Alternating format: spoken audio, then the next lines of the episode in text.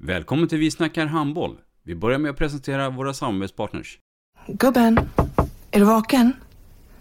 Jag, jag tror att det är idag vi får veta. Jag kom in! Mamma, jag kom in! Mamma, jag kom in! Jag kom in! Ah! Vi finns där du är när livet förändras. För alltid välkommen till Länsförsäkringar. Nej men, ska du ha t-shirt på dig? Du, det är ingen vanlig t-shirt. Det är en nya bollar till klubben-t-shirt. Och så matchar den grillkryddorna vi ska använda. Hur då? Men det är ju alla ska med på klassresan grillkryddor. Stötta barn och unga. Shoppa på newbodyfamily.com. Länge leve föreningslivet!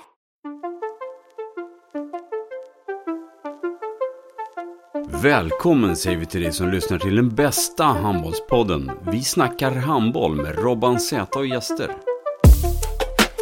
Vi snackar handboll, där du får veta alla sanningar som du inte visste att du missat.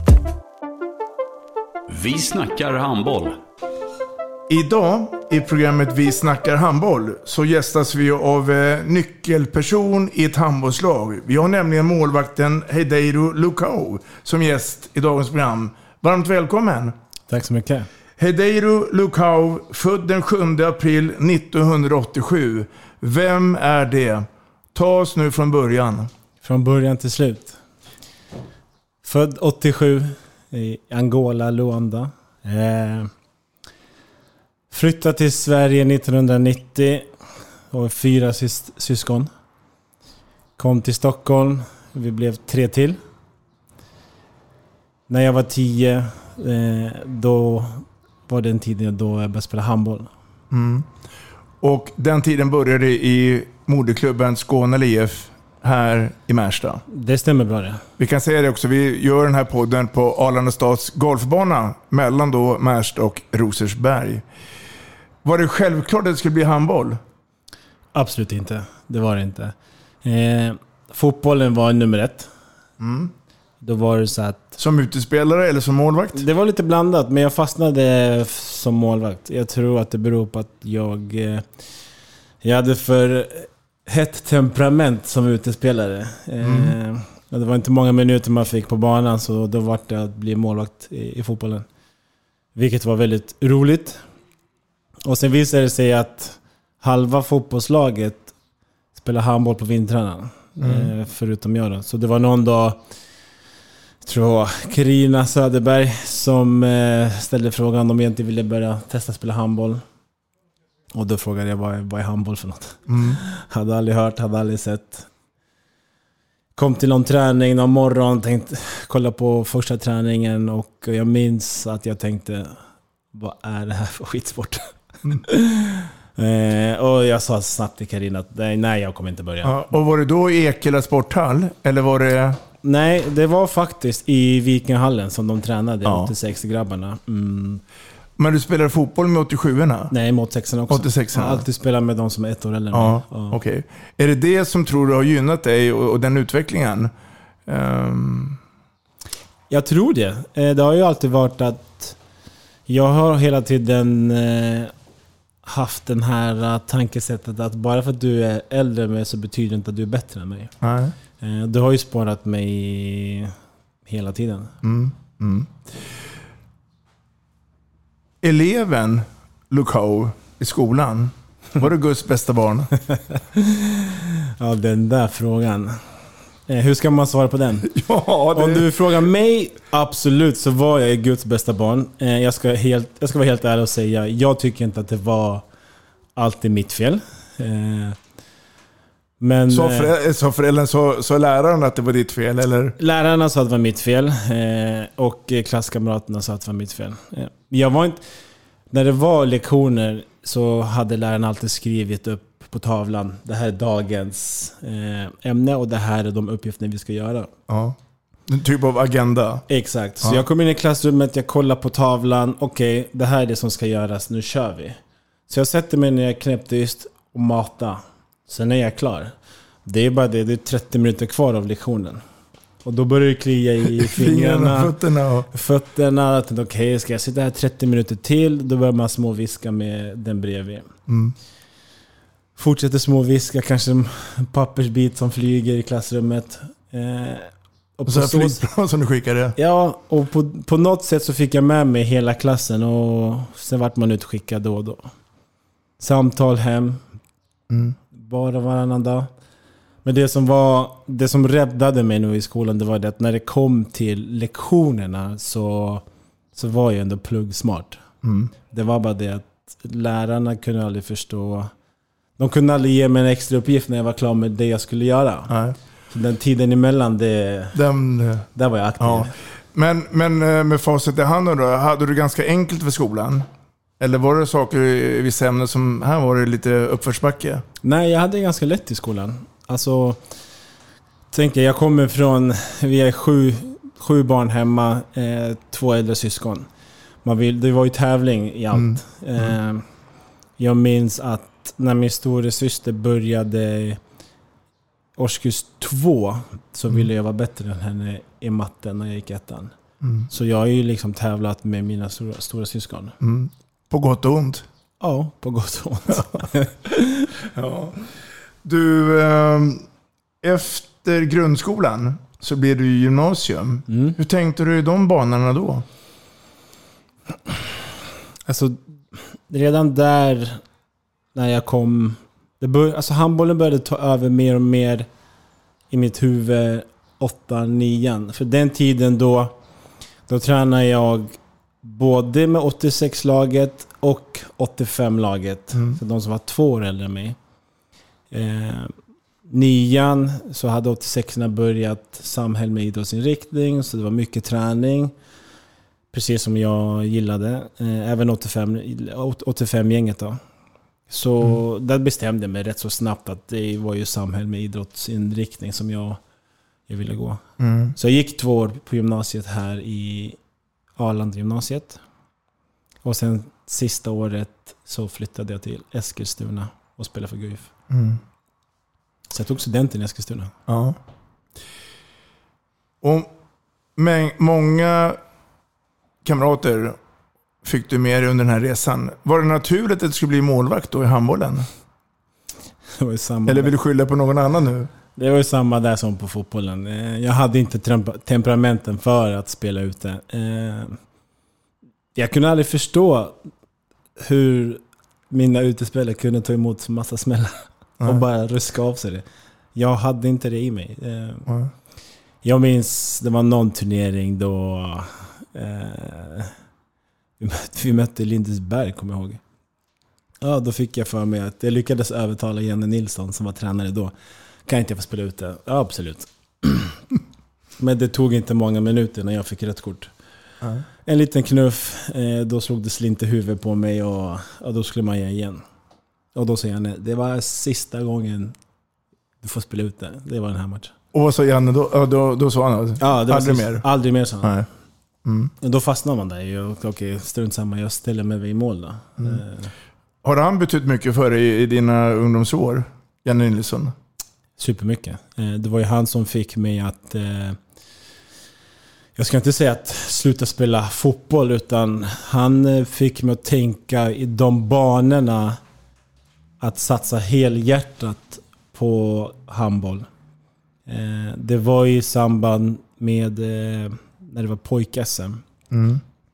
Inför steg fem där med pojk-SM, det var 2003. Då hade vi haft eh, tuffa träningar, någon läge här och där. Och sen hade vi som avslutning på den här perioden innan vi åkte ner till, eh, det var just i Partille det var. Eh, var vi på Arlanda Academy och testade flygsimulatorerna och hela den köret. Bara en sån här eh, komma, komma tillsammans. Mm, teambuilding. Teambuilding, exakt. Mm. Laganda. Exakt. Det gillar du? Ja, verkligen. Mm. Och där, var, där ställde han frågan. Och säger att ja, men ska man vinna då ska man träna hårt precis som ni har gjort den här perioden. Vi har ett fantastiskt bra lag. Eh, vi har chansen att vinna SM-guld. Hur många vill vinna SM-guld? Räck upp en hand. Jag såg bara guldet framför mig så jag räckte upp en hand utan att fatta vad det inne- innebar. Eh, och sen så var det några till som räckte upp händerna.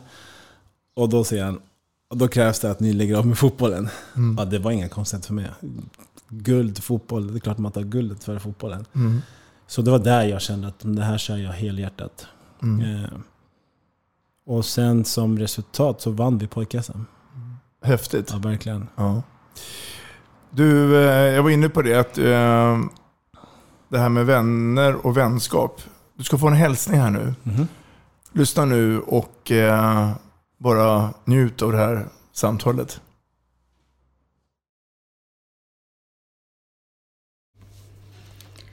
Hej Lokau, Karina här. Ja du Lokau, det finns så mycket som jag skulle kunna och vilja berätta om alla de här åren som vi har delat med dig. Men jag tänkte börja från början. Hur det kommer sig att du blev målvakt. Du dök, upp, du dök plötsligt upp på en fotbollsträning där jag var ledare. När du flyttade till Märsta. Du kanske var i tioårsåldern, jag kommer inte riktigt ihåg hur, hur gammal du var.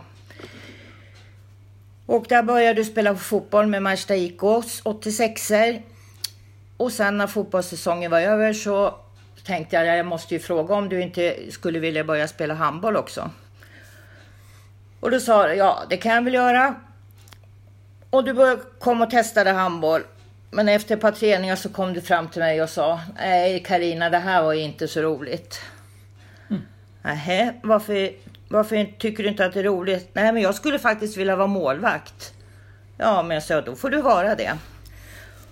Och på den vägen är det. Och resten blev din historia. Eh, Du blev snabbt kompis med våran son Jimmy och blev en stor del av våran familj. Som vi väldigt tacksamma för. Vi följdes åt i många, många år och vi hade stora framgångar med pojkar 86. Där vi bland annat tog SM-guld. Och sen kom du in i A-laget men sen ville du ut och pröva dina vingar. Som inte gjorde mig så glad men, men det förstod jag att du ville. Och du hamnade i många fina klubbar i Sverige och utomlands. Men vi har alltid följt, följt dig genom åren och hejat, hejat på dig. Och en sak som du lovade mig när du försvann ifrån Skånla. Det var att, att du skulle avsluta din karriär i Skånela innan du la skorna på hyllan. Och de orden höll du och det är jag jätteglad för. Och nu har du, nu har du spelat ett par år i Skånela och nu har du bestämt dig för att, att sluta. Nu är det någon annan som tycker väldigt mycket om dig som skulle vilja säga några ord också. Ja du kära Herdeiro Lokao. Staffan här. Ja, det där var mjukvaran. Nu kommer hårdvaran. Eftersom jag hade en gedigen bakgrund som handbollsmålvakt, eh, du vet två juniorår och cirka 15 minuter seniorhandboll innan jag bars ut avsvimmad efter en träff i ansiktet, så var jag ju alltid intresserad av din utveckling som målvakt. Grundregeln som målvakt är att minska vinklar, bli stor och bli träffad. Allt, allt detta hade du alltså från grunden. Men Lukav, alla målvakter liksom eh, faller bakåt. Så under hela din uppväxt jagade jag dig från sidlinjen eller stående bakom målet. Hela tiden vrålande Stå upp! Håll upp arslet! Detta mantra hörde du fram till du flyttade från Märsta. När vi många år senare på din ålders höst återigen förenades i Vikingahallen i Märsta såg jag dig mellan stolparna. Du tittade upp på mig och med hög stämma skrek du. Jag vet Staffan, jag ska hålla upp arslet. Ja du, vi skulle nog kunna skriva en bok om alla dråpliga händelser om, som, som, vad som vi upplevt tillsammans. Eh, men vi har nog många kapitel till att vänta om vad som kommer att ske i framtiden. Tack Herreiro för alla fina minnen vi fått med dig och din fina familj. Ett stort lycka till önskar vi alla i, i din bonusfamilj genom Karina och Staffan. och de övriga. Puss och kram, hej då. Tack Staffan och Karina. Fina ord. Värmer. Hur känns det där då? Det, det värmer djupt i hjärtat måste jag säga. Jag förstår det. Lukau, det är ju så att, eh, du var inne på det då, att du lämnar ju då Märsta och Alungymnasiet och eh, går vidare till Guif Mm. och gör sista året på gymnasiet där. Yes. Varför blev det det valet? Det var ju var mycket snack om... Eh, eller, Guif hade kommit till eh, och träffat oss i Vikingahallen, mina föräldrar. Och eh, när man försöker värva över unga spelare så målar man upp en jättefin bild på elitserien, proffslivet och när de bilderna började komma in i mitt huvud då var det, det var ett självklart val. Det är ju dit jag ville. Mm. Vi tränat så här hårt för att vinna först på icke-SM. Eh, sen vann vi ju faktiskt junior-SM 85 Mm. också. Mm. Då var det den vägen jag kände att det var rätt att ta där och då. Så då tog jag den. Mm. Och, och de här åren då med gymnasiet och, och inriktningen med handbollen där. Är det en nyckel till den framgången du har haft? Eller hade det kunnat vara så att du hade kunnat gå de här tre åren utan handbollen? Förstår du min fråga? Mm. Men jag tror nog att sista året där är nyckeln till att det gick som det gick. Mm. För jag tror att hade jag varit kvar ett år till så hade jag haft i baktanken att jag fegade ur och inte vågade ta det steget. Och vad är det som, skulle, vad var det som säger att jag hade vågat göra det efter gymnasiet? Mm. Eh, Så jag tror absolut att, att jag, när jag tog det steget där och då, att det var nyckeln till eh, den historien jag har. Mm. Och omställningen då, att flytta hemifrån från Märsta till Eskilstuna, steka sina köttbullar själv. Och den processen då? Den var, den var väldigt stor, det måste jag säga. Eh, jag var ju så ivrig med att komma till min egna lägenhet och få styra och ställa helt själv och få äntligen kalla mig själv vuxen. Så när mamma och pappa eh, hjälpte mig och med att flytta, jag minns att hjälpte mig att bära upp alla sakerna. Jag ville bara att lämna allting i hallen så kan ni gå, jag klarar mig. Eh, så när de hade burit upp allting så får jag frågan då morsan, har du allting? Ja, jag har allting. Kan ni bara gå, jag är klar. Och farsan frågar mig, har du allting? Sluta fråga, jag har allting. Ni kan gå, tack för att ni hjälpte mig, vi hörs. De går och du vet, man har ju packat hela morgonen hemma i Märsta och sen har man rest en och en halv timme, sen har du packat upp i en timme.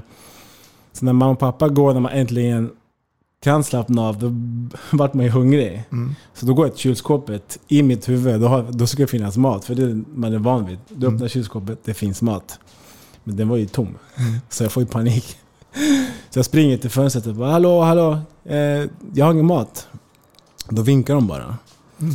Så farsan och morsan sätter sig i bilen och åker bara runt hörnet. Men i mina ögon, de lämnar mig där utan mat. Eh, och sen så ringer den bara, men kom ner till Ica så storhandlar vi. Där fick jag liksom, okej. nu gäller det verkligen att tänka. En tankeställare. Ja. Mm. Det är inte bara att öppna kylskåpet och... Tiden i Guif då? Om vi pratar handbollsmässigt. För du blir ju där i fyra år. Mm. 2005 till 2009. Mhm. Eh, det var... Första året måste jag nog vara ärlig och säga, det var väldigt... Det var blandade känslor. Eh, för att när man blev värvad så var det mycket snack om att men, du kommer vara första målvakt, du kommer stå 60 minuter, vi tror på dig och eh, Daniel Johansson som var mål på den tiden. det är ni två unga lovande talanger. Eh, och sen när man väl kom dit så värvar man eh, Robert Lechte, eh, utlandsproffs från Mälsinga, kommer hem. Och då vart man ju tredje keeper. Eh, det var det som fick en, okej. Först, jag kände mig lite lurad om jag ska vara ärlig. Ni säger en sak innan jag skriver på, så när man väl är här så blir det helt annorlunda. Det blev en sån konstig bild i mitt huvud. Men... Eh, Fick du en förklaring då? I det läget? I det läget så var det bara att men, första året är alltid så, du är ung, du ska lära, du måste komma in i det. Mm. Jag tyckte, vad, vad är det för skillnad på att spela handboll där jag kommer ifrån och här? Eh, de gör samma stegersättningar, de gör samma kullager, de skjuter på samma sätt. Och, och, och då är det, när, när jag hör dig berätta det, då får jag igen den här bilden vid skolan, att den här ivriga killen och, och det ska hända någonting och tempot ska vara högt. Och, och här måste du ha tålamod för att få din chans mellan stolparna. Är det rätt uppfattning där? Mm. Mm. Men chansen kommer väl sen? Chansen kommer. Eh, den, kom, den kom väldigt sen. Eh, så det enda roliga det första året det var ju att då vinner vi JSM med juniorlaget där. Mm. Så slutet av den säsongen så får jag ju spela mina första A-lagsmatcher med Guif. Eh, jag tror det var tre sista matcherna. Och det gör ju att man har ju krigat hela det året. Eh, nästan på att man var nära på att ge upp. Men sen, eh, jag minns att jag ringde till min pappa någon gång och han sa bara det är bara att knyta näven i fickan. Du kommer inte hem. Du ska göra det där. Mm. Har du en gång bestämt dig för att göra någonting, då ska du köra fullt ut. Eh, och sen så kom ju chanserna. Eh, lyckligtvis så gick det bra. Och sen så valde Guif då att eh, förlänga med mig och Daniel. Mm. Sen så... Ja. Då rullar det på. Då rullar det på sen. Mm. När jag nu läser i mina fusklappar här så... Och du var inne på det tidigare att du har ju alltid haft mål och höga mål och lite grann som Karina också var inne på då. Så fick du en chans att hamna i Tyskland. Mm. Här är jag lite nyfiken hur det gick till. Eh,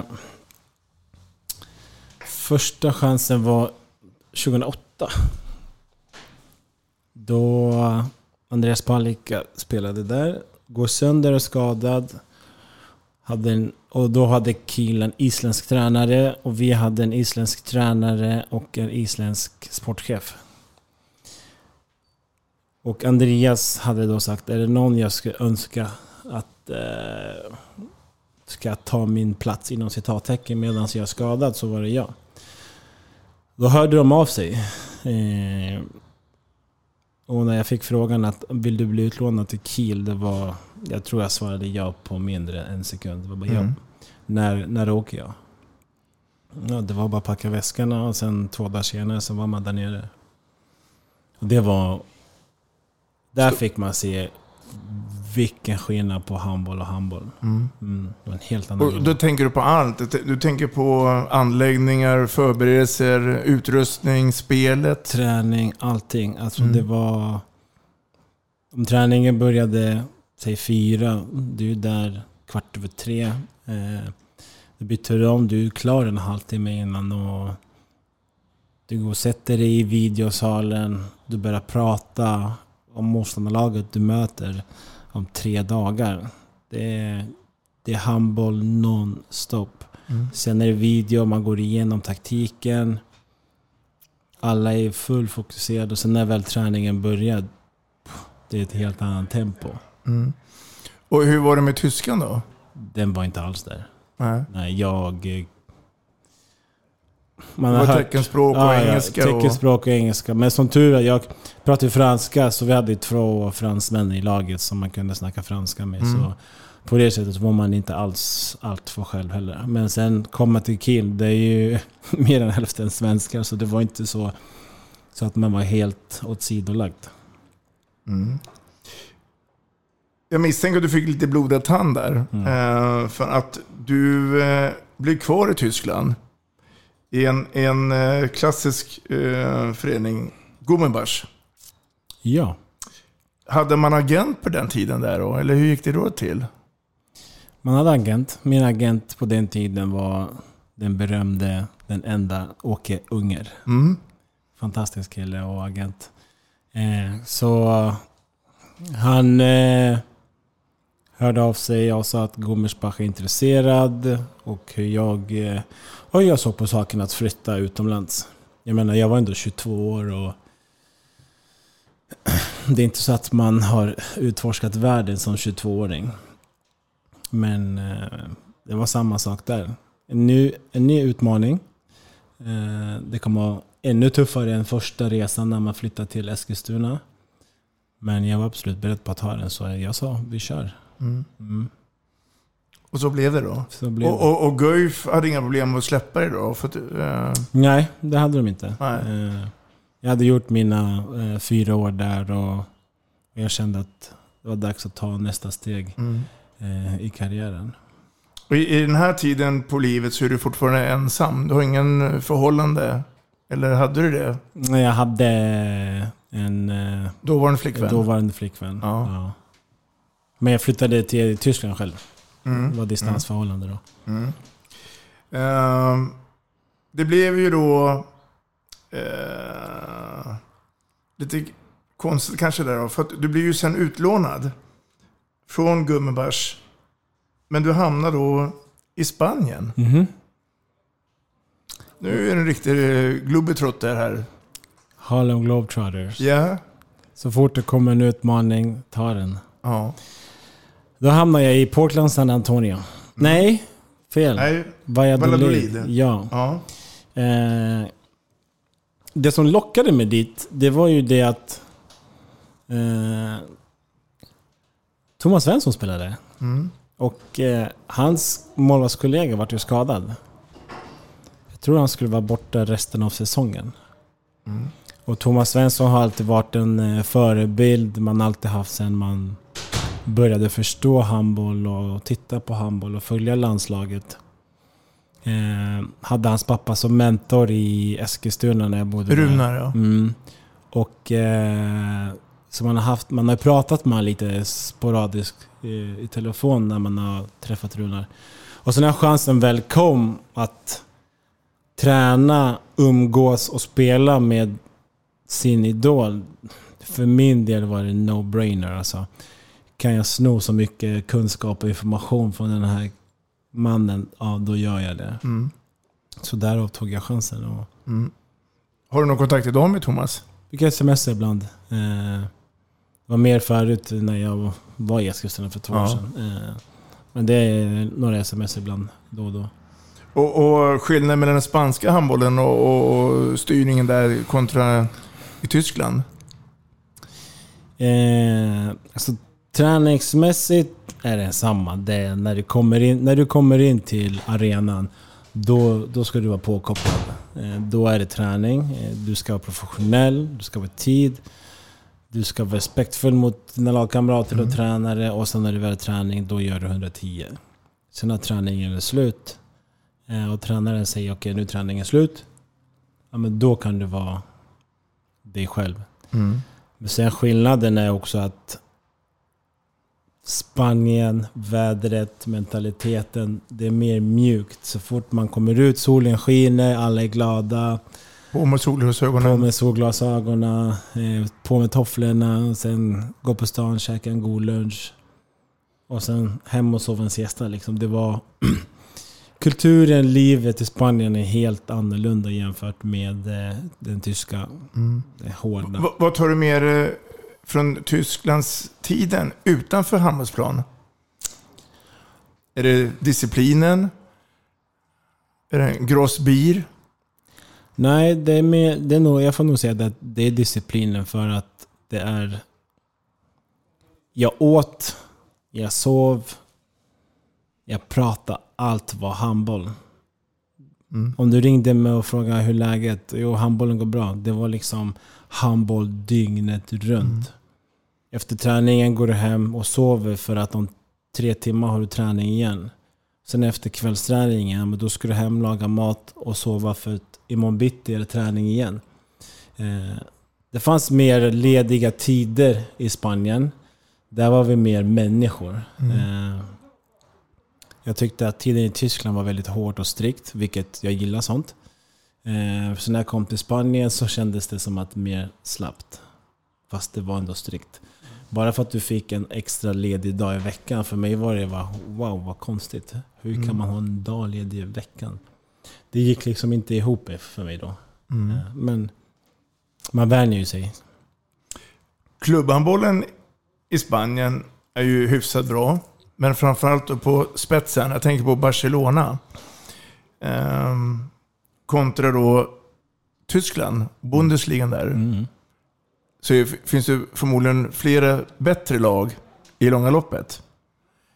När du hör nu att en del svenskar nu tar sig ner till Spanien här. Vad, vad tänker du då? Och de ska hamna i Barcelona? Då tänker jag att Sverige har fantastiska bra handbollsspelare. Mm. Eh, vilket vi alltid har haft. Och jag tycker att det är ännu roligare att de, är, att de kommer dit i, en, i unga ålder. Men de, de har gått nästan samma väg som dig, Mm. via Tyskland. Mm. Jag, tror, jag tror att Tyskland är alltså den rätta vägen att gå för att du bygger upp ett mental styrka i Tyskland. Mm. Du bygger upp en eh, träningsmetodik som du bär med dig resten av livet. När du kommer till Spanien och du märker att ja, men här har vi en dag ledig i veckan, men du själv som är van att träna, som älskar att träna, du fortsätter att leva på så som du alltid har gjort de senaste åren. Mm. Så därav tycker jag att Tyskland alltid är rätta vägen att gå och sen vill man sen till Spanien, absolut, då gör man det. Mm. Är det någonting, Lukao, som du känner att jag ångrar under de här åren när du var ute med proffsäventyret? Åh, vilken bra fråga.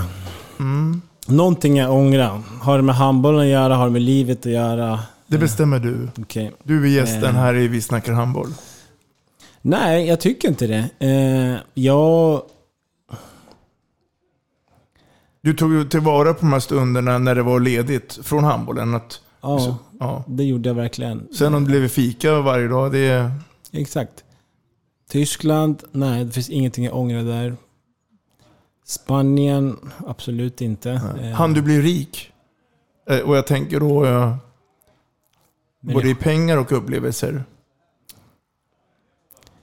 Det beror på vad summan är för att bli rik. Jag tycker att... Ja, det måste du säga. Mm. Kunde du ha varit kvar i Spanien längre? Eller ville du hem? Jag kunde vara kvar i Spanien längre. Men just där 2011 så var det väldigt ostabilt ekonomiskt läge i hela landet. Eh, när eh, vi hade ekonomiska problem med porten San Antonio. Eh, vi visste inte om klubben skulle vara kvar eller de skulle läggas ner. Och sen när det kom till kritan att nej, tyvärr klubben kommer läggas ner så var det jag tror vi var sex klubbar under den perioden som gick i konkurs.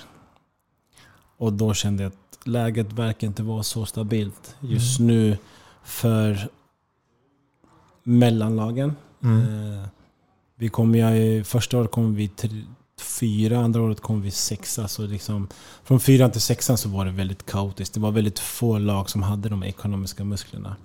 Och då valde jag att nej, eh, chansa att vara kvar för att sen inte få betalt på fem sex månader. Det hade varit tufft. Mm. Eh, då valde jag att ta steget hem Tog du hjälp då av eh, agenten där? Eller löste du det själv sen att gå vidare? Nej, då var det... Då ringer man Åke och gråter ut och säger man du Åke, så här är situationen, vad har Mm. vi? Ja, ja, Spanien, nej, så här är läget i Spanien. Jag har Tyskland, vill du tillbaka till Tyskland? Nej, då var det att fundera. Liksom, vill jag åka tillbaka till Tyskland? Eh, jag tror det är svårt att åka tillbaka till Tyskland efter man har varit i Spanien. När har fått känt på det här... eh, den, spa, den spanska auran, spanska Mm. kulturen. Eh,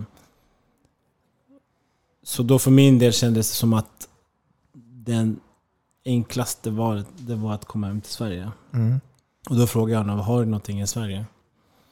Eh, och då sa han absolut, eh, jag ringer dig om två dagar. Sen kom samtalet. Och när det samtalet kom, då var jag faktiskt hemma i Eskilstuna på semester. Jag var ute på mm, jag var ute i landet, eh, Thomas Svenssons land i Eskilstuna. Mm. Sen så ringde Åke och, och sa att Hur låter Kristianstad? Ja, jag såg att de gick till eh, SM-final förra året och... och Sen kommer de ha Olle Lindgren som tränare till nästa år, så det kan bli bra.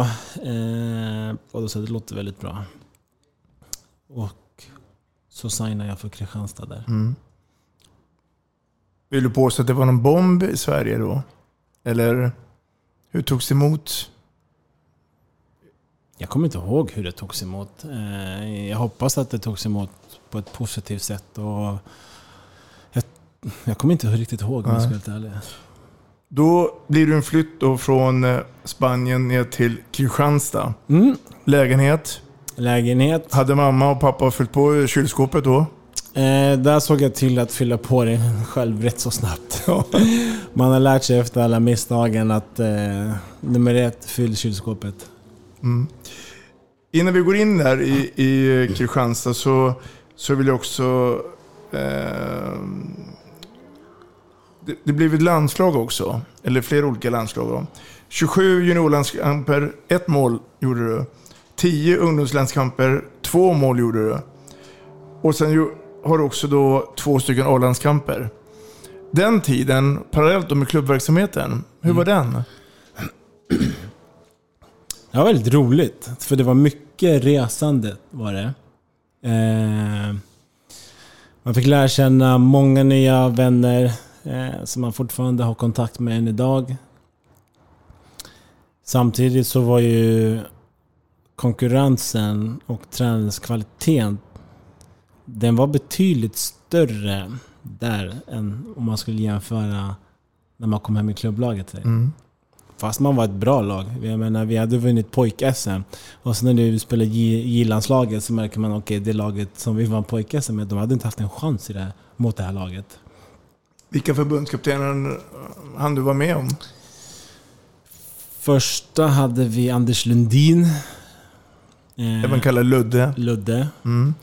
Och sen eh, J-landslaget hade vi Gunnar Blombeck Mm. och Henrik Schneider. Mm. Var det en bra kombo? Det var en, eh, det var en bra kombo. Det var väldigt, eh, det var väldigt tufft.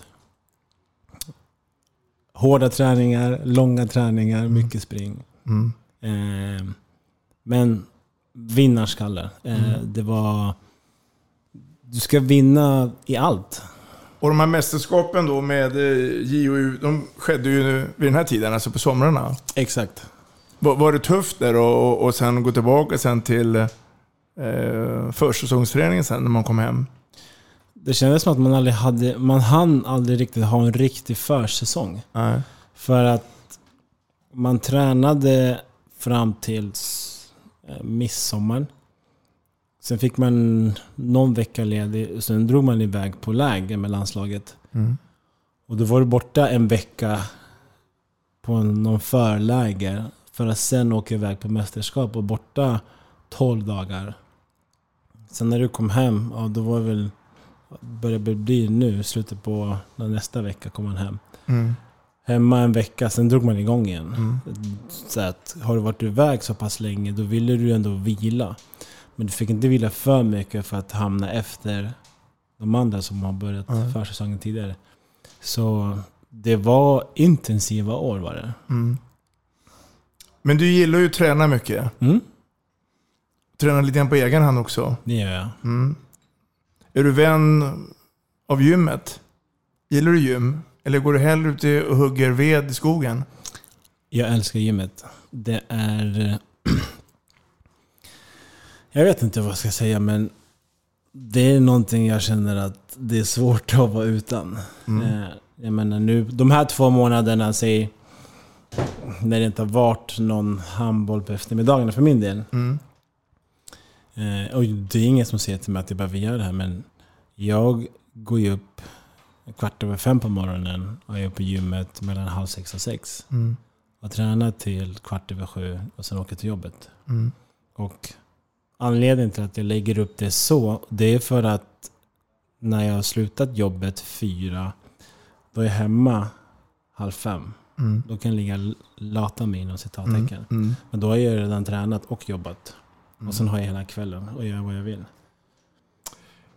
Vi kommer tillbaka till eh, Kristianstad-tiden, IFK. Det var ju både glädje och lite sorg. Jag tänker på den här lilla incidenten med eh, ögat. Du ska få berätta den. Men du ska få en hälsning här. Från en vän som jag eh, tror står dig väldigt nära. Och betytt mycket för dig. Låt höra här nu. Eh, Hej Lucke! Eh, det- jag kommer, eh, det känns snabbt som att det är tio år sedan vi sågs eh, sist. Eh, jag kommer ihåg dig att du var en, eh, en kille som verkligen älskade på i gymmet. Eh, du växte nästan bara av att titta på, eh, på eh, simsträcket. Jag kommer ihåg en, eh, en rolig historia. Vi hade ju en plattform i gymmet som vi kallade Mästarplattformen. Där eh, du, Marcus Olsson och eh, Fredrik Pettersson höll till. Eh, efter du hade slutat i, eh, i på Kristianstad så la Anton Lindskog ut en bild på sociala medier där han stod på Mästarplattformen. Och då pe- påpekade du att eh, han skulle eh, hålla sig på sin plats. Eh, jag önskar dig lycka till med det du kommer att företa dig nu efter karriären är slut. Ha det bra Lucke! Mm. Tack Jonas. Vem var det där då? Jonas. Mm. Och vilken roll hade han? Vår fantastiska fystränare i IFK Kristianstad. eh, Det är nog hans relationer då. Den var väldigt bra. Eh, han älskar träning, jag älskar träning. och eh, man försökte hela tiden hitta... Det var perioder när man kände sig fan Jonas, oh, ursäkta nu svor jag. Jonas, jag känner mig lite, lite långsam i benen. Jag behöver den lilla, den lilla kicken. Alltså, Vad ska jag göra? Men nu lägger vi upp den här typen av träningen. Och sen börjar man känna sig bra igen. Okej Jonas, nu känner jag att jag har kicken men jag känner att jag behöver ha styrkan också. Och då blandar vi de här träningarna. Så det var hela tiden en dialog. Mm. Och vi kunde alltid experimentera. Vi kunde alltid pressa kroppen lite till. Mm. Eh, Du var nyfiken också. Ja, supernyfiken. Mm. Och han är även eh, crossfit-tränare och ibland så kunde det vara någon kille som körde crossfit och tänkte man okej, det där vill jag också göra. Nej, du får tänka på att du har match om två dagar. Den här typen av träning skulle göra med i tre dagar. Så du kommer inte vara fit för fight för matchen. Men sen när det var en vecka till matchen, då kunde, han, då kunde man få en egen specialschema för att bara köra det man ville köra på gymmet. Så, nej, Jonas var, är fantastisk i, i alla banor och aspekter. Mm. Härligt att höra. Och det är starka minnen nu som Mm. förmodligen rullar fram. verkligen. Ja, det blev ju en SM-final Mm. med IFK Kristianstad. Och motståndare var Drott. Och Lukau står i mål. Lukau står i mål.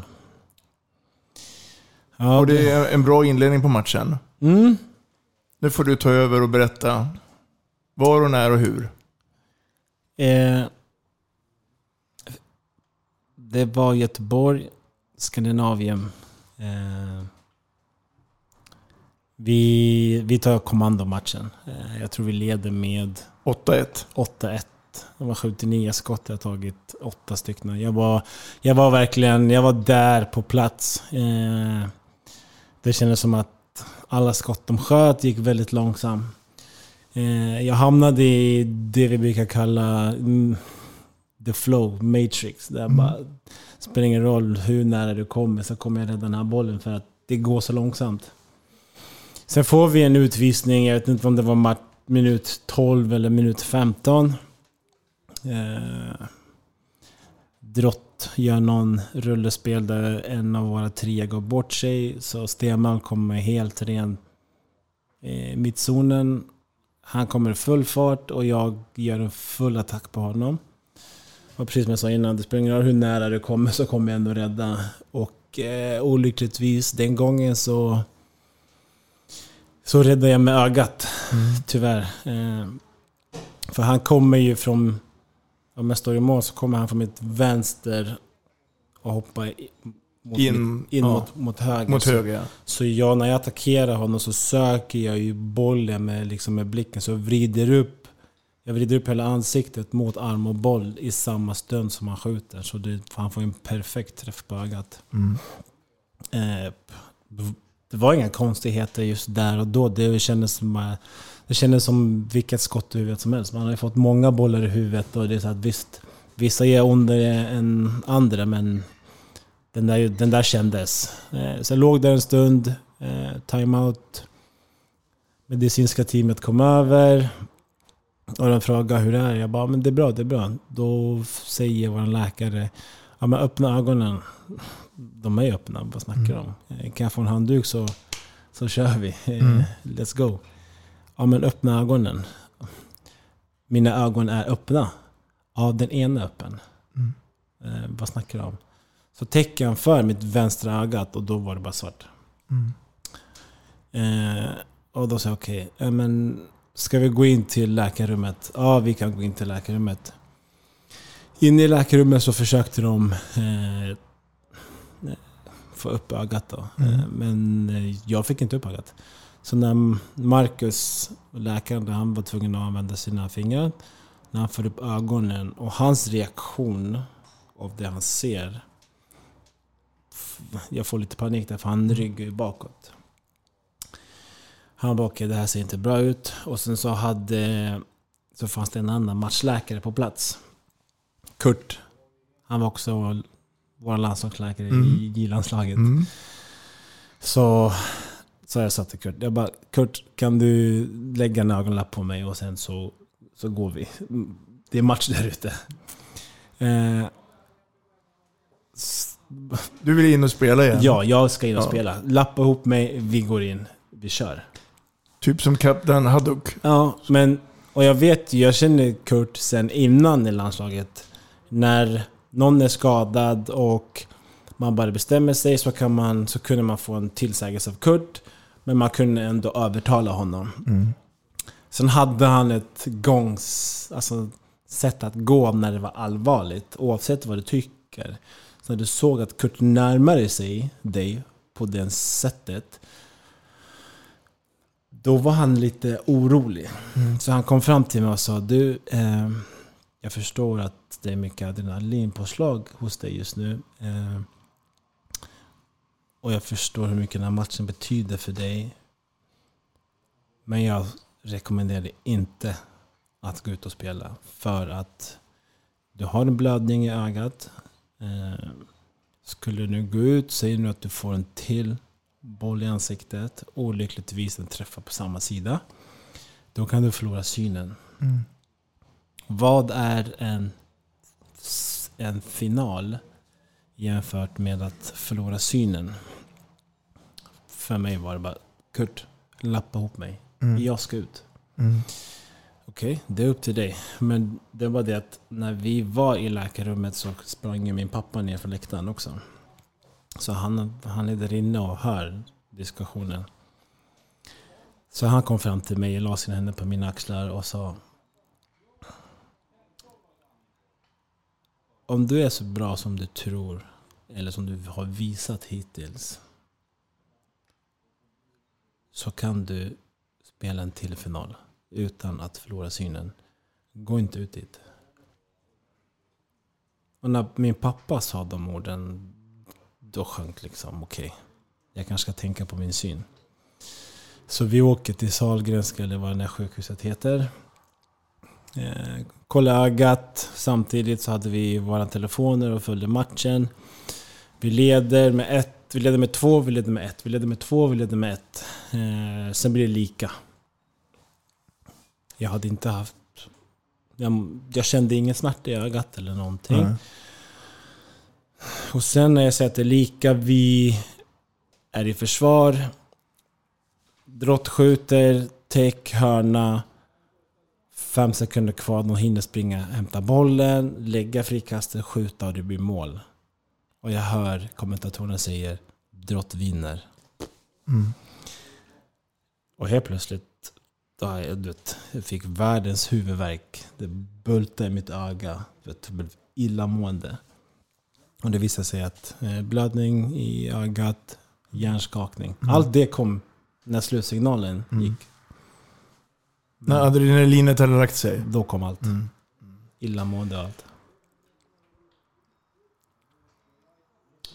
Tack för berättelsen. Eh, Då förstår jag att det var tufft i det läget. Idag med lite perspektiv och eh, så hade du ju med nya regeln också blivit två minuter direkt. Efter det så valde du sen att ha glasögon. Mm. Ehm, ganska naturligt kanske val då, då. Var det svårt att anpassa sig i början då med, med glasögonen? Det var ju det. Man har ju spelat alla år utan, och, utan att börja tänka på att skydda ögonen eller någonting åt det hållet. Så visst, det var en stor anpassning. Under vissa perioder av matchen så immade glasögonen igen. Du var tvungen att torka av dem. Så det blev en till moment som du ska hålla koll på. Eh, man är van att ha fokus på det som händer framför dig. Oavsett om ni är i försvar eller ni anfaller så har du fokus. Nu var det så att så fort det var, så fort man anföll, då gick man runt för att torka glasögonen. Eh, Men sen så hittade jag ett par glasögon där det var bättre. Där jag kunde ha dem i längre perioder utan att behöva ta mig och torka dem. Mm. Men det var, det var en anpassning. Mm. Du gjorde ju då två säsonger med Kristianstad. Och sen så var resan upp till Eskilstuna Guif. Mm. Och där var du från 2014 till 2020.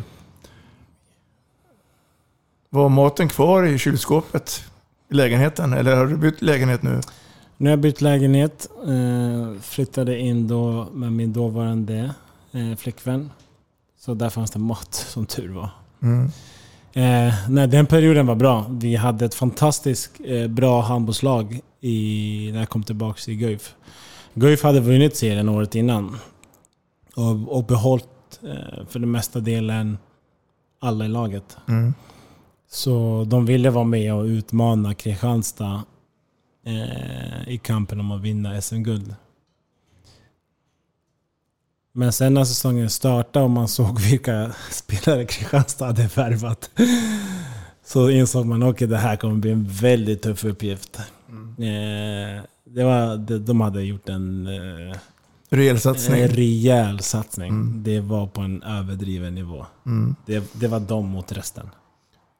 Och Guif saknar fortfarande det här SM-guldet. Mm.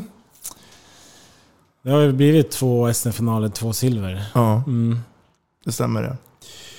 Den här fantastiska resan, Lukau, går ju då vidare då till det Karina sa, Söderberg, i inledningen. att Du lovade att komma hem igen. Och hem då är det Märsta. Mm.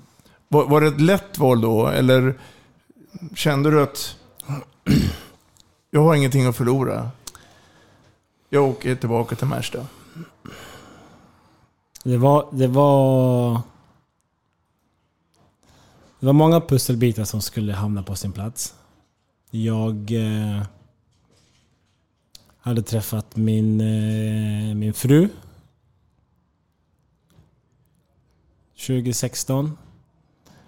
Och sen så flyttade jag upp till eh, Stockholm, men jag pendlade och spelade. Jag jobbade och pendlade i Eskilstuna. Ja. Och sen så när man... När jag och min fru började prata om att okej, det är dags att börja tänka om. Det, det, det håller inte att man kommer hem varje kväll helt sliten och trött. Kom hem och runt nio, halv tio på kvällarna. Det Mm. första man gör det är bara duscha och lägga sig. och, och i samma veva så hör ju Jimmy Karlsson av sig. Ja, jag vet att ditt kontrakt håller på att löpa ut. Vad säger du? Eh, sa, vi får se. Mm. Eh, allting ska ju... Det ska passa, så att säga. Mm. Jag ska ju hitta ett jobb först som passar. Och sen det jobbet ska passa med handbollen. Så om inte det klaffar så spelar det ingen roll vad jag känner. Mm. Man märker ju det nu när du säger nu så här lite senare in i programmet här att, att nu, nu behövde du mer betänketid Mm. än till en början av när, när man var den unga Lukao och fick erbjudanden. Så var det inte många sekunder du behövde fundera på. Nej. Tiden i Skånela då. Ehm, och när du lämnade Skånela, vad är den stora skillnaden? Det där var en väldigt bra fråga. Tiden i Skånela. När jag lämnade Skånela Då var det kul att spela handboll. Mm. Det, du tänkte inte på någonting annat än att ha roligt. Mm. Du gick till träningen, det var kul. Du gav ju hundra, du var helt slut. Men det var roligt. Tiden i Skånela nu, det kommer med förväntningarna man har lagt på sig själv. Eh, Det är kul, men man har lagt sådana stora förväntningar på sig själv. Mm.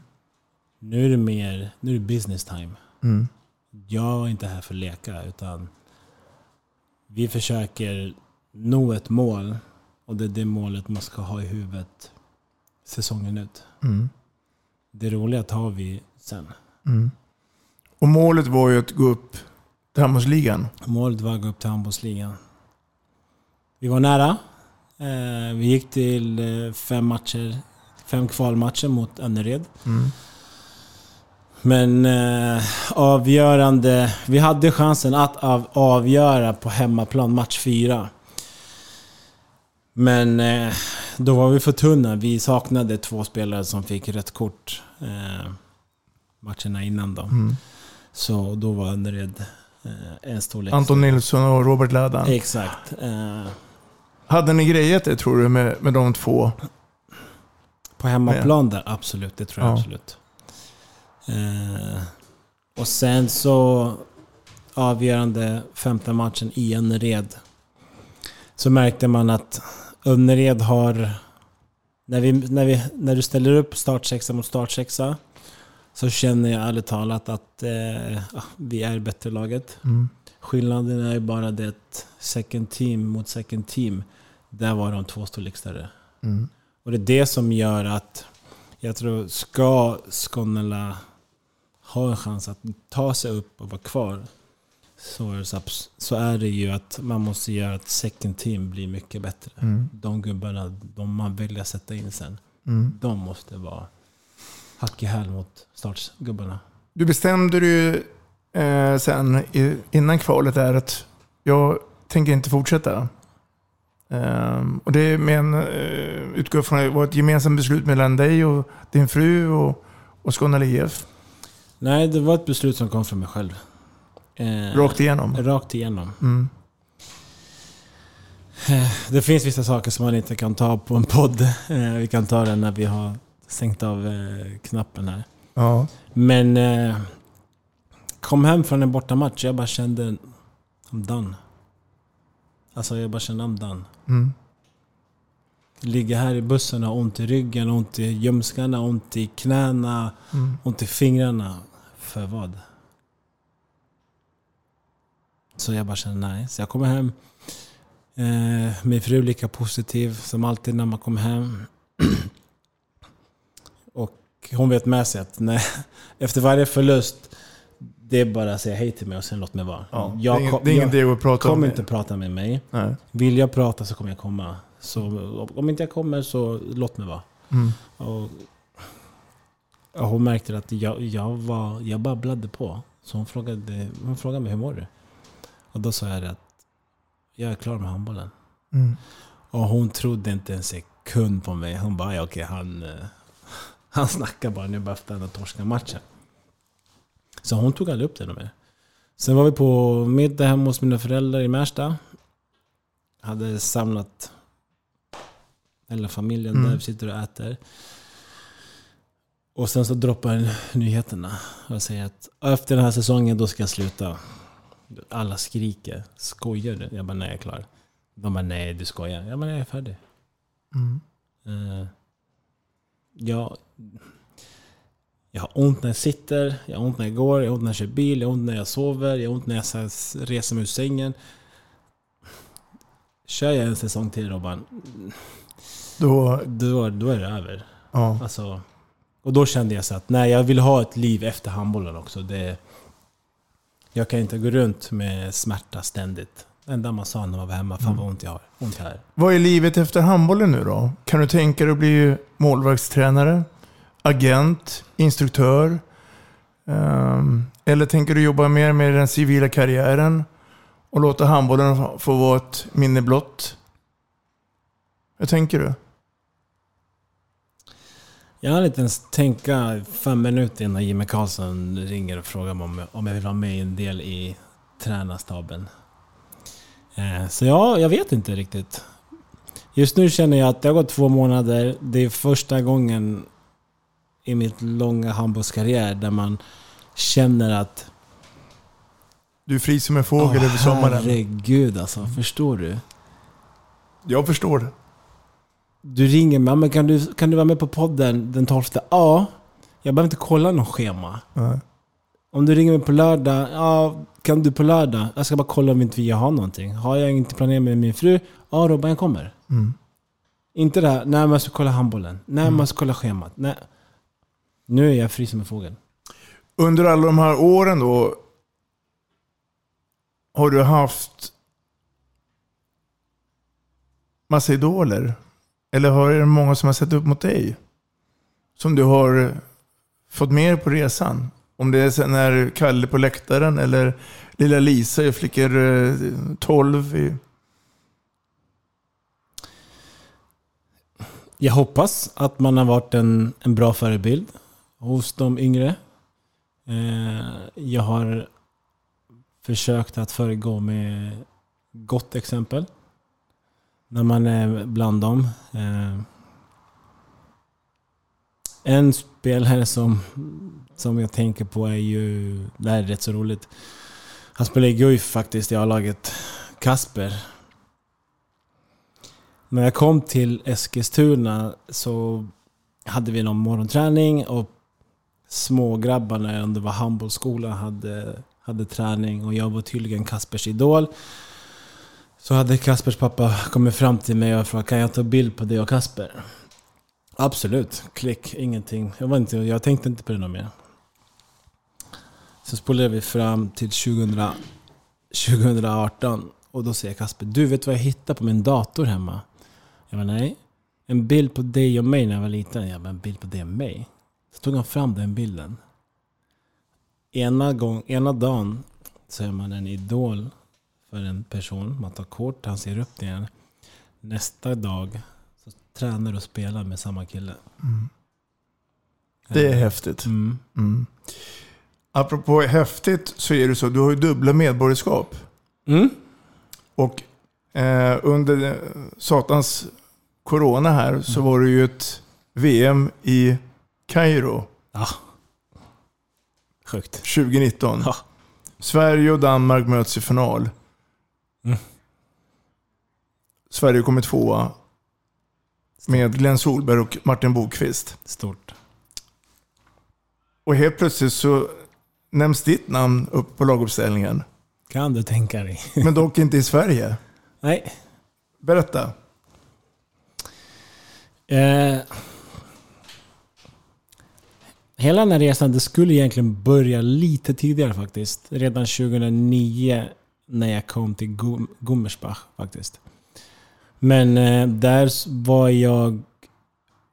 2008 så skadade jag mig med landslaget, Sveriges knäoperation. Så jag hade hela tiden tanken att jag ska komma tillbaka till landslaget. Sveriges landslag, Sveriges landslag. Men som vi vet, vi i Sverige vi är så fantastiskt bra på att producera bra målvakter. Mm. Jag menar, är det någon som har fått chansen i landslaget och det går bra för dem, självklart ska den fortsätta.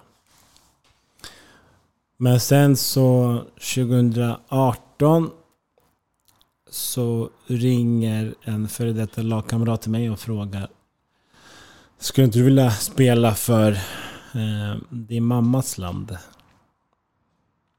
Och det är Kongo. Så absolut, varför inte? Eh, så jag åkte ner dit bara på en träningsläger utan att ens har bytt nationalitet eller någonting. Bara träffa laget och kolla eh, stämningen och hur det var. Och jag fastnade direkt. Eh, det är en sån härlig energi, härlig stämning. Duktiga handbollsspelare. Eh, så jag sa absolut, jag, eh, jag byter gärna. Och sen på den resan här, bytte, eller bytte inte, jag eh, fixade till medborgarskap och sen så, så vart det Kongo som, som landslag. Mm. Mm. Tänk om de skulle ringa från Kongos handbollförbund och erbjuda Herderi Lukov förbundskaptens jobb. Vad skulle du säga då? Jag skulle fråga när börjar jag? Mm. Det skulle jag göra. Apropå det här med snabba beslut. Mm. Mm. Hedeiru Lukau, nu är det så att tiden har kommit ikapp oss.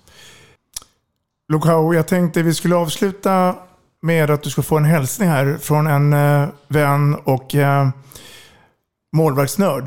Lyssna här. Hej, hej dig då. Här, det här var Claes Hellgren. Första gången som jag fick träffa dig var när du var på ett av våra läger.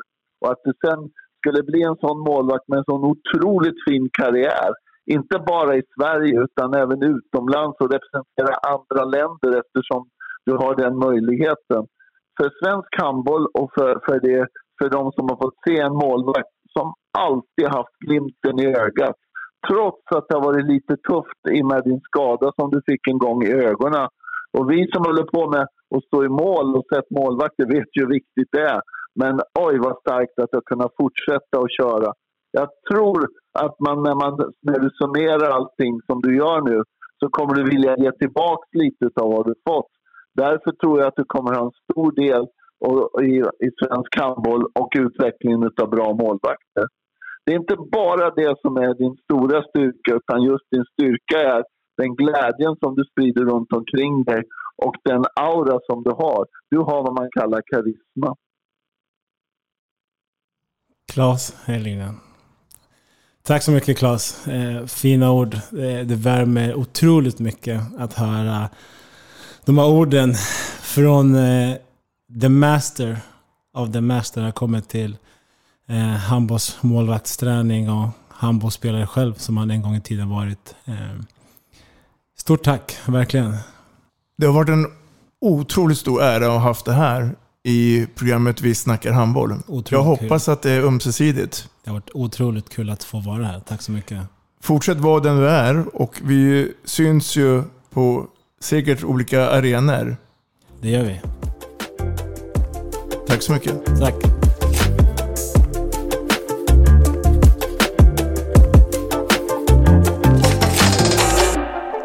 Vi snackar handboll, där du får veta alla sanningar som du inte visste att du missat. Vi snackar handboll. Vi snackar handboll produceras av produktionsbolaget High On Experience, från vision till passion. Ett avslutande tack till våra samarbetspartners. Hallå! Kommer ni eller? Ja, ja. Har du sett mina ankelsockar? De här? Nej, nej, jag menar skridskoslip till juniorlaget Ankelsockarna. Ja, men kolla bredvid träningsläger med handbollstjejerna-t-shirtarna. Stötta barn och unga. Shoppa på newbodyfamily.com. Länge! Gubben, är du vaken? Jag, jag tror att det är idag vi får veta. Jag kom in! Mamma, jag kom in! Mamma, jag kom in! Jag kom in! Ah! Vi finns där du är när livet förändras. För alltid välkommen till Länsförsäkringar.